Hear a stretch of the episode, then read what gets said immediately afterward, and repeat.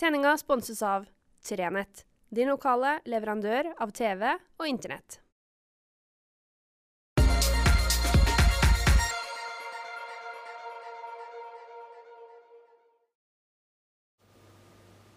Riktig god fredag. Det er noen folk som har det ekstra travelt nå i de her uh, ukene framover. Uh, særlig de to ukene som vi har foran oss. Nei, jeg snakker ikke om folkene på dagligvarebutikkene våre uh, og i forretningsbransjen for øvrig. Selv om jeg godt kunne ha snakka om dem, og, og, for all del en, en god, varm kaffekopp til dere òg.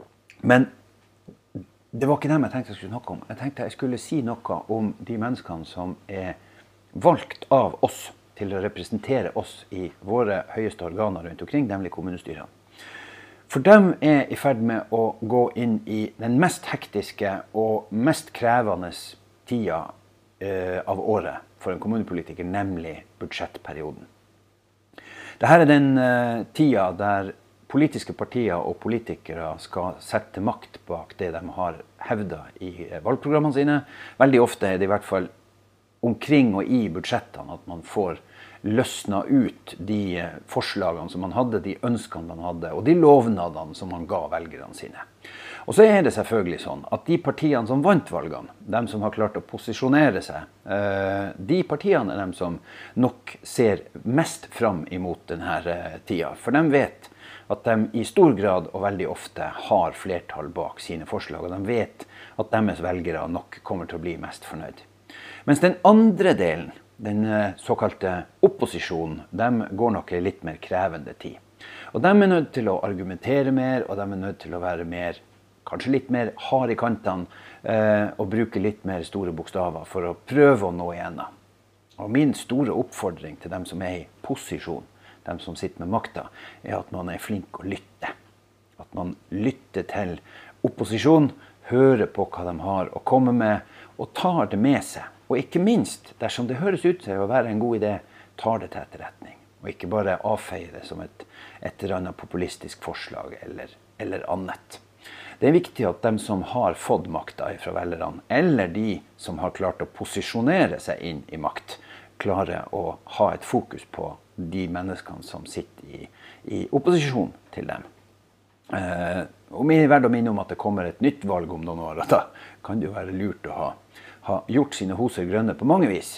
Eh, og så må vi som følger det her eh, spillet fra sidelinja, vi må forsøke å huske at eh, de menneskene vi har valgt, det er helt ordinære mennesker. Det finnes bare seks heltidspolitikere i, i kommunal sektor i Nord-Troms, og det er ordførerne. Alle de andre de, de er egentlig noe helt annet.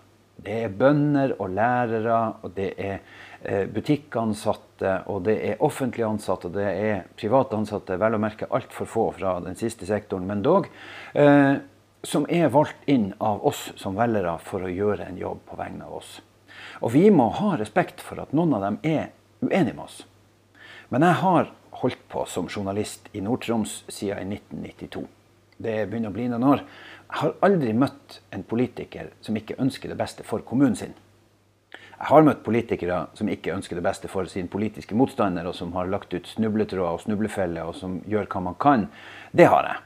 Men også der er det fordi at man tror og mener sjøl at det er til beste for sin egen kommune.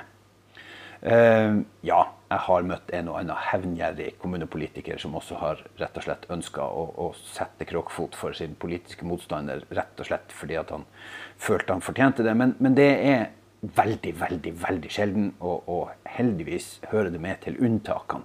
Flertallet, de aller, aller, aller, aller fleste av de menneskene som nå skal sette seg ned i evig lange kommunestyremøter, de er der av én en enkel grunn. Fordi de tror og mener at de kan gjøre en forskjell til beste for oss som bor i kommunene. Og I noen tilfeller så er det folk som bor i ei bygd som mener at å legge ned en skole i ei anna bygd er til beste for hele kommunen. Og Da må vi som sitter og er skuffa, lei oss og sint og forbanna, vi må gå i tog, og vi må si at vi er dypt uenige, men vi må ikke gjøre det personlig. Og Det er kjempevanskelig og superviktig. Men det, det er så viktig å huske på at man gjør det fordi man tror det er til beste for kommunen. Ikke fordi man gjør det for å straffe ei bygd, eller fordi man mener at sånn og sånn og slik og slik. Veldig ofte så blir det gjort i beste mening, og så vet de som sitter og jeg er helt sikker på, og jeg vet også, jeg har vært i kommunestyremøter der jeg har sett politiske eh, folk i hvert fall svelle hardt når de har rekt opp hånda og stemt, fordi at de vet at de kommer til å bli mektig upopulære. De vet at de kommer til å få svinmasse kjeft, og innerst inne i hjertet skulle de ønske at de ikke trengte å stemme for f.eks. skolekutt eller kutt i helsesektoren, eller kutt her og kutt der. Aller helst vil jo alle politikere gå inn i et kommunestyremøte og bare ause ut penger. Og åpne skoler og barnehager og ungdomsklubber. Og om det nå kom bare én ungdom på ungdomsklubben, så gjorde det ingenting. Men sånn er ikke hverdagen. Sånn er ikke verden. Eh, den er nemlig slik at kommunene har en ikke altfor stor pott å leke med. Eh, og så er det jo sånn da, at vi som er i media, og vi som skal følge det her, vi har jo en tendens til å henge oss opp i bare småting.